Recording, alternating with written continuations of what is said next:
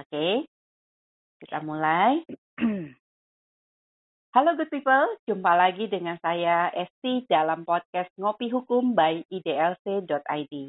Kali ini IDLC bekerja sama dengan alumni FAUI Angkatan 91 mengadakan acara Legal Expo 2021 selama tiga hari di tanggal 11, 12, dan 13 November 2001 dengan menghadirkan para praktisi dan alumni uh, dari alumni FAUI Angkatan 91 uh, yang pastinya ahli dan berpengalaman di bidangnya untuk membahas topik-topik menarik.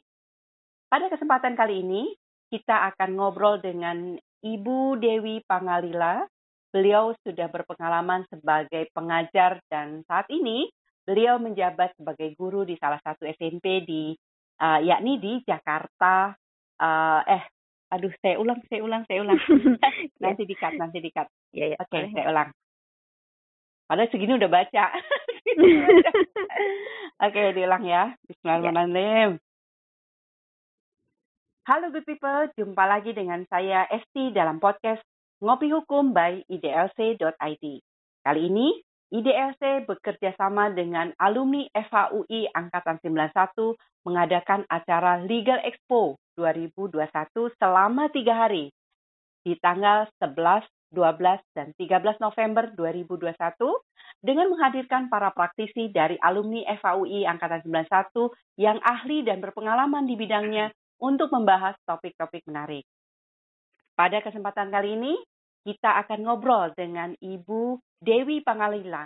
Beliau sudah berpengalaman sebagai pengajar dan saat ini beliau menjabat sebagai guru di salah satu SMP di Jakarta, yakni di SMP Bakti Mulia 400.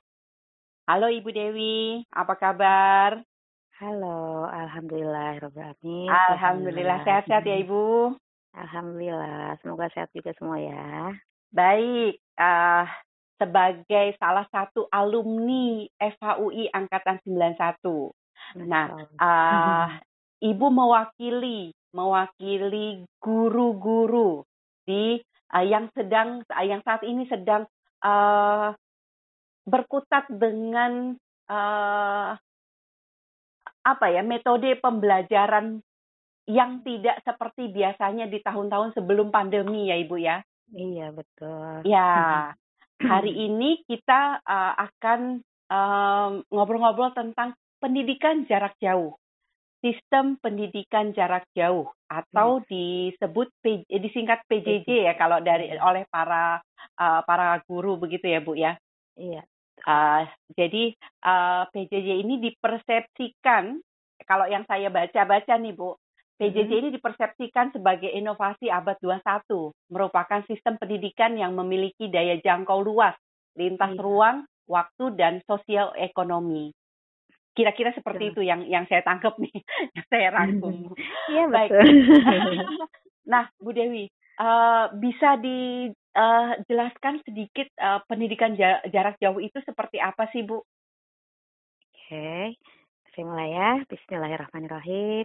Ya, jadi memang seperti yang tadi Mbak Esti sampaikan, betul bahwa kita kondisi dalam pandemi ini memang menjadi yang namanya belajar dengan sistem normal di mana seorang pengajar atau pengajar lah ya pengajar bertemu dengan uh, dengan murid-murid itu yang biasa bertemu langsung um, memiliki keterbatasan karena kondisinya kan kita harus di rumah.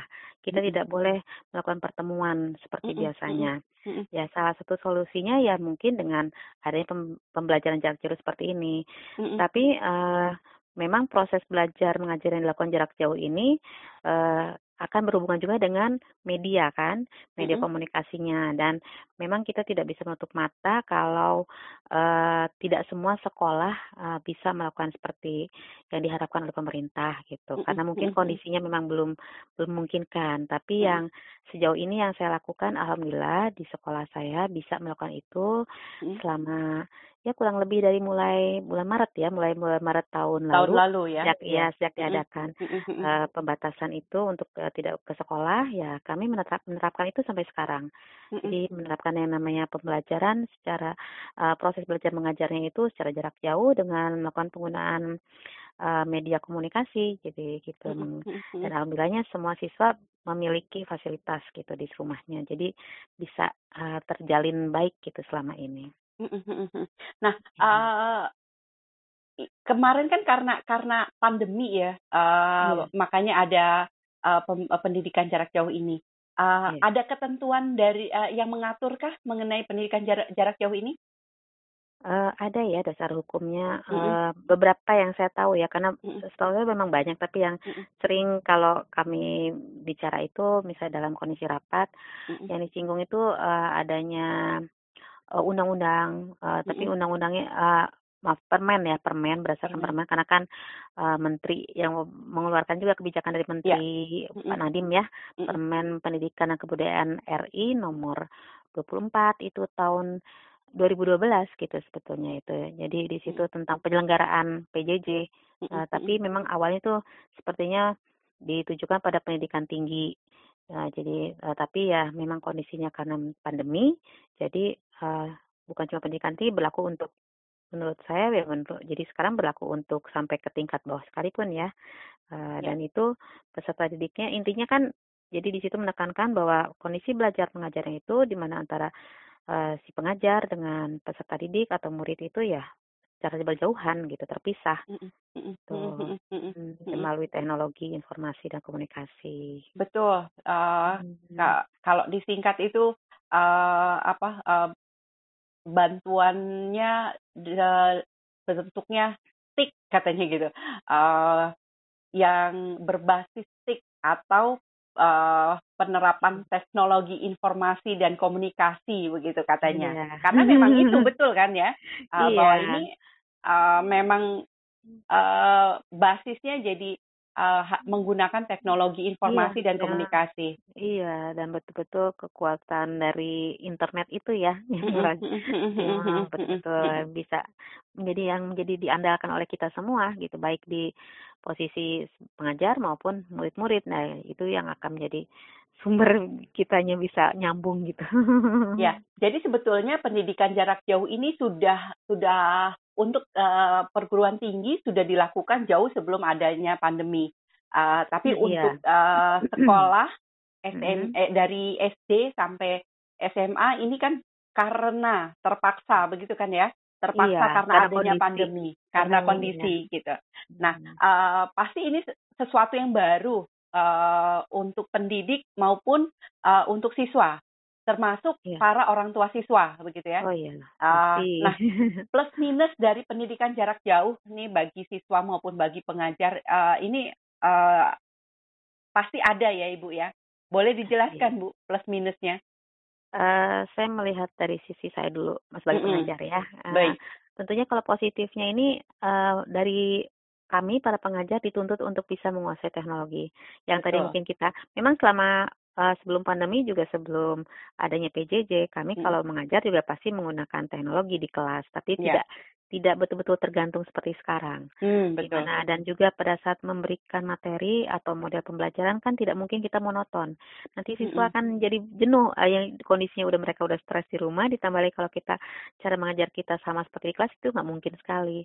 Jadi kita juga harus cari cara bagaimana uh, anak didik bisa uh, tetap fokus dengan uh, apa yang kita sampaikan. Ya minimal mereka meskipun mungkin kondisi kadang-kadang kelihatan sekali ya males-malesan gitu hadir di Zoom atau di Google Meet itu paling tidak mereka mendengarkan lah gitu mendengarkan. Dan nanti ada kalau kita meminta evaluasi ada respon gitu.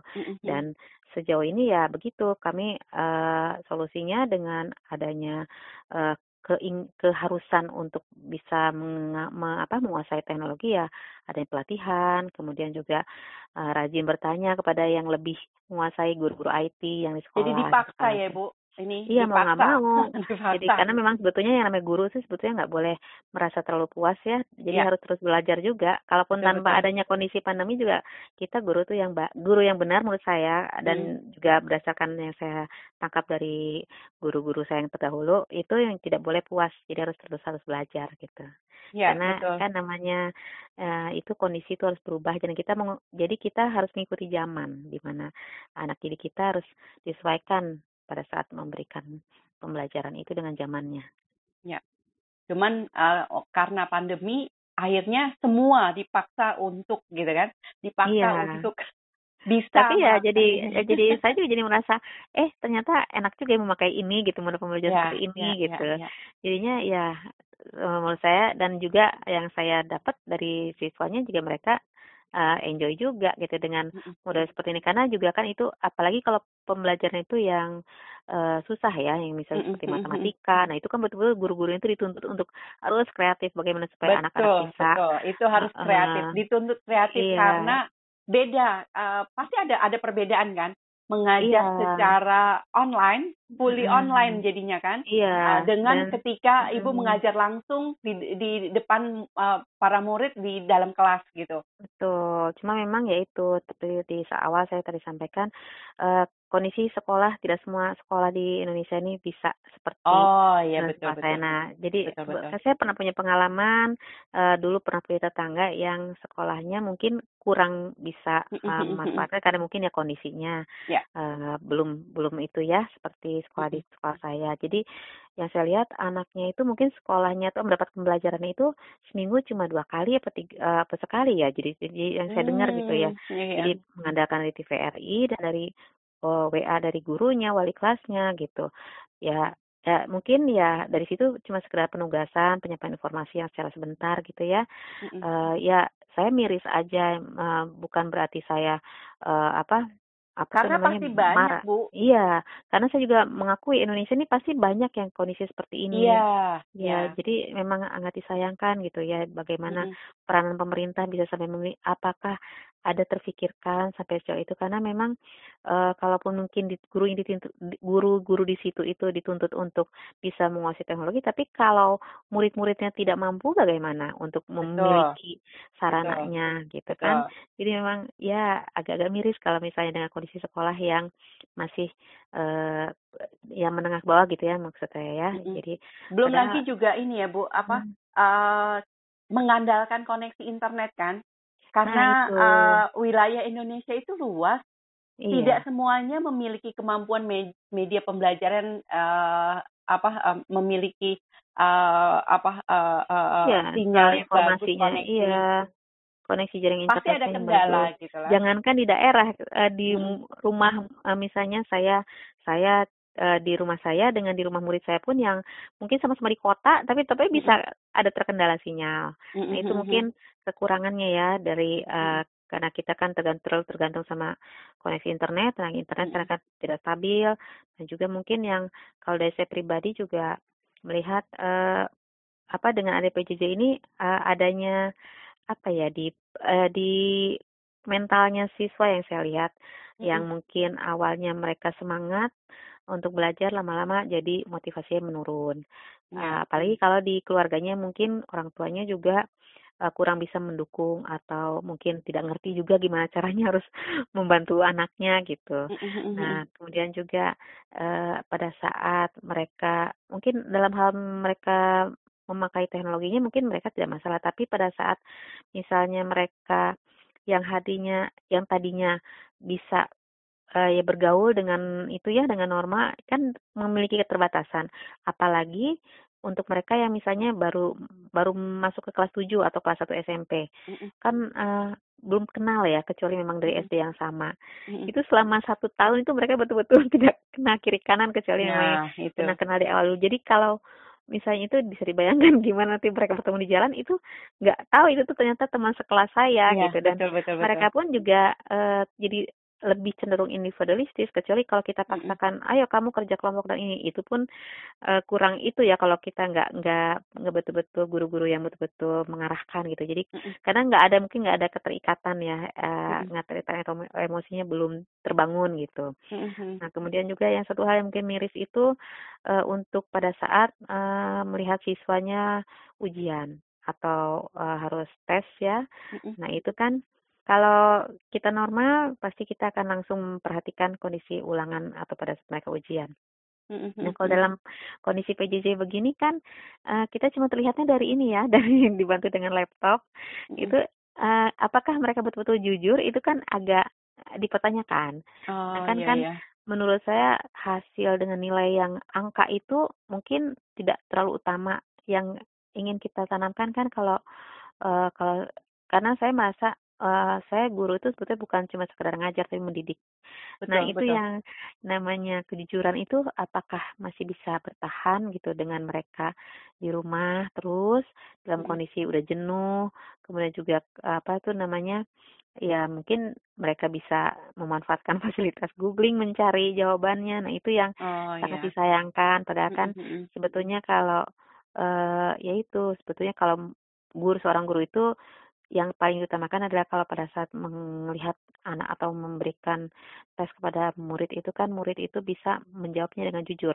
Kalaupun tidak bisa mendapatkan hasil yang terbaik, ya at least dia sudah mencoba dengan uh, kemampuannya dia. Kan nanti ada solusi yang lain. Pasti kita akan Betul berikan betul. solusi yang lain gitu. Itu plus Nah, minusnya se yang dari dari pengajar. jauh gini ya. Heeh. Ya kalau dari murid sendiri ya yang saya lihat ya memang eh minusnya itu ya mereka punya keterbatasan untuk sosialisasi dengan teman, Mhm mhm. kemudian jenuh ya, apalagi kalau mungkin ditambah masalah keluarga, kasihan juga kadang-kadang kan Mhm. kita melihatnya gitu. Jadi mereka harus eh, yang mungkin mungkin orang tuanya tadinya nggak terpikir kalau seperti itu akan berdampak kepada anak. Ya Mhm. tapi kan secara tidak sadar dengan mungkin mendengar omelan atau keluhan orang tua yang tiap hari belum lagi nanti Mhm. mereka juga menghadapi kendala dalam pembelajaran. Karena kan mungkin tidak semua pelajaran gampang diserap kan dan kemampuan murid juga beda-beda. Ada yang cepat ada yang uh, lama gitu. Mhm. itu akan menambah masalah problem. Apalagi ya kalau mungkin kondisi orang tuanya yang paling paling utama biasanya kalau murid itu dari kondisi keluarga ya. Kalau orang tuanya betul-betul tidak bisa mendukung itu akan betul-betul PR-nya buat ngajar justru nanti jadinya. Ya. jadi masalah besar. Tapi ya keuntungannya menurut saya mereka jadi juga tertantang untuk bisa menguasai teknologi juga gitu. Di mana mereka juga sama seperti kami gitu kan. Eh, kan sama-sama kita memanfaatkan teknologi jadi mereka juga sama gitu. Dan mereka juga akan menikmati juga pembelajaran yang model yang baru gitu yang mungkin selama sebelum PJJ itu tidak pernah ketemu seperti itu. Dan ternyata selama PJ, eh, setelah PJJ ada eh, ada yang baru dan mereka bisa menikmati juga itu yang mungkin menurut saya positifnya. Mhm mhm mhm. Hmm. Jadi eh, pastinya itu tadi me memaksa guru untuk eh, lebih kreatif, Iya. kemudian juga eh, baga- eh, bagaimana caranya tetap menanamkan eh, pendidikan tadi ya, pendidikan Iya. terutama eh, mengajarkan anak supaya bisa jujur ketika Mhm. me, apa eh, menyelesaikan soal-soal yang diberikan gitu. Iya, Karena evaluasi apalagi pada saat ujian gitu ya, itu Iya, yang tantangan iya. sekali berat sekali itu. ya ya ya ya. Baik. Karena saya sendiri melihat pada saat misalnya memberikan esai itu ada aja beberapa anak yang jawabannya ketahuan sekali itu bukan jawaban murni, Oh, tapi karena guru bisa tahu ya itu ya. ya Guru mungkin karena ya. pengalaman ya, tergantung Iya, iya, pengalaman betul, kali betul, ya. betul, betul, betul. Jadi jawabannya terlalu sempurna, Ah, terlalu iya. bahasanya bahasanya bukan bukan dia yang sehari-hari yang saya temui. Jadi kan kebetulan juga yang eh, itu yang terakhir saya mengetahui hasil ujian itu waktu kemarin eh, itu ya akhir tahun ajaran kemarin. Jadi Heeh. kan sebelum Pak JJ bukan begini dia kalau menjawab. Ah, Ini iya. begitu sempurna gitu. Iya, bahkan iya, iya, iya. ditambahkan dari yang saya minta gitu. Itu pun pasti Heeh. akan berlaku dengan guru yang lain. Oh, Bahkan iya. ada yang kadang-kadang mungkin saking tuh anak kurang teliti, eh, kurang cerdik juga, Mm-mm. itu catatan kakinya dari yang dia copy paste dari Google itu ada. Masih kelihatan. Oh, Masih oke, oke, oke. kelihatan. Masya Ah. Allah kan sampai segitunya ya itu yang bagi saya hmm, sayang Nah, sekali mudah-mudahan ada orang tua mende- yang mendengarkan uh, obrolan kita kali ini. Artinya orang tua ya. juga harus mengajarkan kejujuran ketika Iya. anak mengerjakan soal ya Ibu ya. Iya, karena Ah, kan penting-penting. kalau cuma sekedar pinter, eh, itu tuh gampang dibentuk. Yang penting Betul. anak ada kemauan. Yang kunci utama tuh kan kalau pada saat belajar tuh motivasi atau kemauan Betul. anak. Kemudian ditambah lagi kebiasaan kita memberikan eh, pembiasaan atau pendidikan dengan tanggung jawab dan kejujuran. Itu kan modal ya. Karena kan terbawa sampai besar. Saya nanti itu kan kita bisa lihat aja contoh yang paling nyata. Koruptor itu kan pinter-pinter ya itu. Tapi kan mereka Orang tidak ya jujur. semuanya. Iya nggak mungkin ada Semuanya orang koruptor yang pinter itu. Iya. Iya, iya, betul, Dan betul. eh, satu hal lagi memang eh, kondisi PJJ ini kita yang harus diutamakan memang berpihak pada kondisi murid. Mm-mm. Jadi ya itu mungkin kalau sekolahnya tidak bisa memanfaatkan teknologi dengan eh, maksimal seperti di sekolah saya, pastinya itu juga gurunya harus bisa menyesuaikan. Ya, uh, ya, misalnya ya. memberikan tugas kepada muridnya ya jangan berdasarkan teknologi yang itu gitu. Jadi kasih aja mengkreasi uh, sendiri ya. Uh, uh, pokoknya intinya bentuk harus kreatif aja ke gurunya itu. Kreatif dan berpihak pada murid juga karena ya.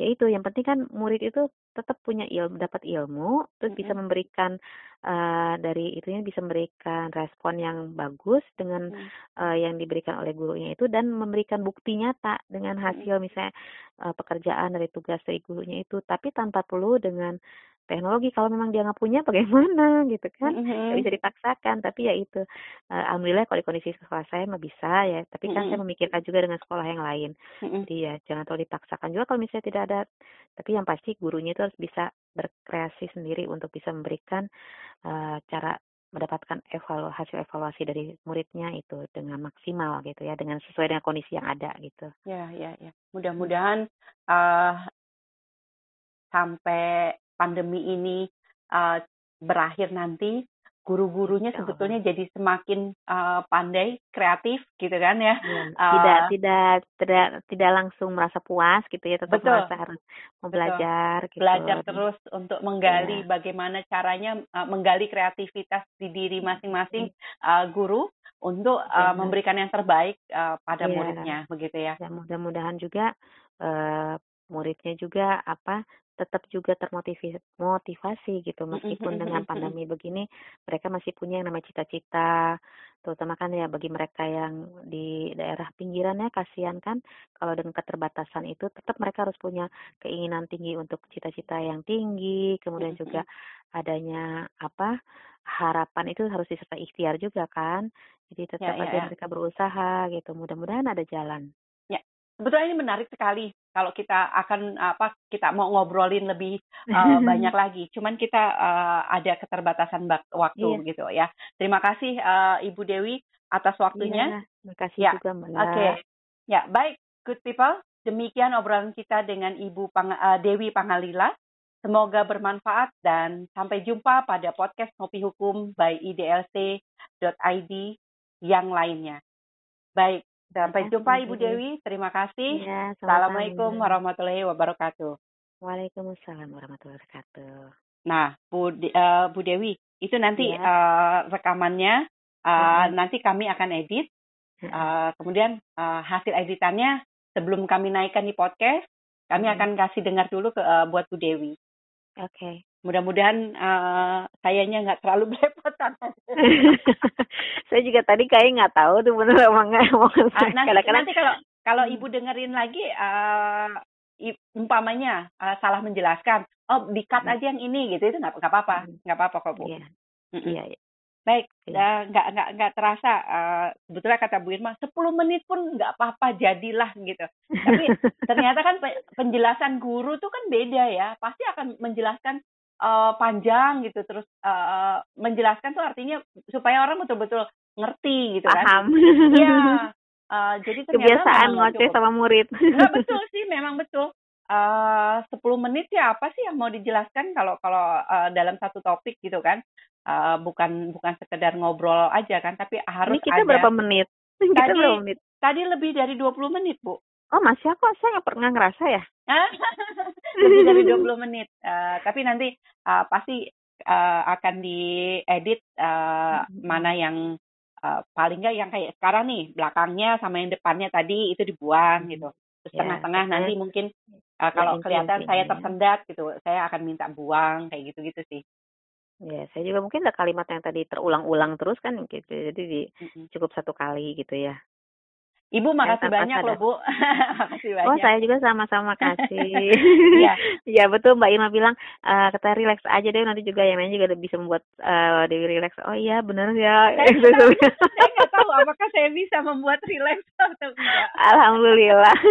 saya mah justru yang saya yang bikin saya tegang itu karena katanya mau kan diperdengarkan kepada banyak mahasiswa.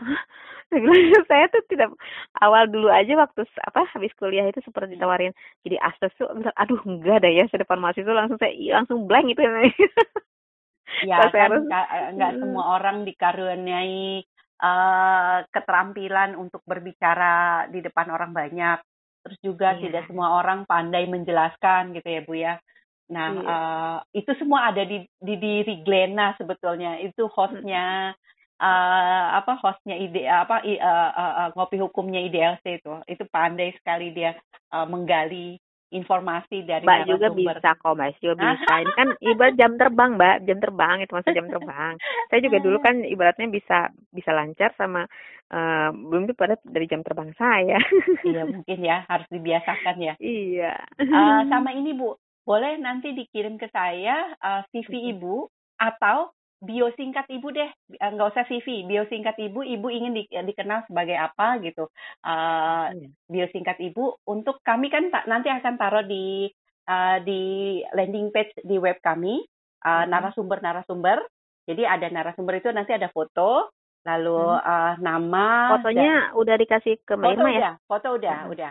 Uh, hmm. lalu nanti uh, kalau diklik fotonya terus nanti akan uh, orang kalau ingin tahu siapa ibu tinggal klik bionya gitu. Jadi uh, saya nggak nggak minta CV tapi tolong bio, bikin bio tuh apa ya? Oh biodata. Uh, bio uh, bio tuh gimana ya? Uh, CV tapi yang men menceritakan ibu uh, bahwa pengalaman ibu sebagai apa terus uh, kayak gitulah. Berapa berapa baris atau berapa paragraf? Uh, satu paragraf cukup bu. Satu paragraf. Mm -mm. Hmm kalau kalau kan Bu Irma juga diminta di sebetulnya di kemarin dikasih CV ke Bu Bu hmm, yang kelola untuk bukunya uh, hmm. karena salah satu penulisnya kan Bu Irma. Terus Bu hmm. Irma kasihnya CV gitu. Terus uh, staffnya Bu uh, Widya Retna uh, itu oh, uh, uh, hubungin saya. Bisa diminta hmm. bionya Bu Irma nggak gitu? Bio singkatnya Bu Irma jadi kalau saya sih kalau Bu Irma karena saya udah sama Bu Irma lama ya, hmm. jadi saya hmm. bisa bisa cepet gitu. Cepet, uh, seorang Irma dikenal sebagai gitu uh, berpengalaman di di uh, mana kayak gitu gitu itu, itu saya bisa cepet. Itu cuma satu paragraf aja kok. Okay. Gitu. Uh, tapi bisa besok nggak apa-apa? Ya nggak apa-apa, nggak apa-apa. Saya soalnya sekarang kayaknya ada niat mau buka, mau ini mau apa? Mau ngecek hasil ujian anak-anak. ya, siap nggak apa-apa. Uh, via WhatsApp aja, jadi nggak usah repot-repot. Uh, jadi uh, nggak usah. Nanti mungkin kalau misalnya saya ada yang uh, misalnya harus diperbaiki, disampaikan aja ya Mbak ya. Iya. Saya nggak perlu Bu ini gitu atau misalnya uh, yang kurang Bu ini ini gitu nanti ya. sampaikan ya. karena saya juga ya. agak agak takutnya salah gitu. Iya, ya. Oke. Okay. Baik. Oke, Mbak Esti. Ibu, makasih banyak atas waktunya. Sama-sama. Sampai jumpa. Assalamualaikum. Waalaikumsalam warahmatullahi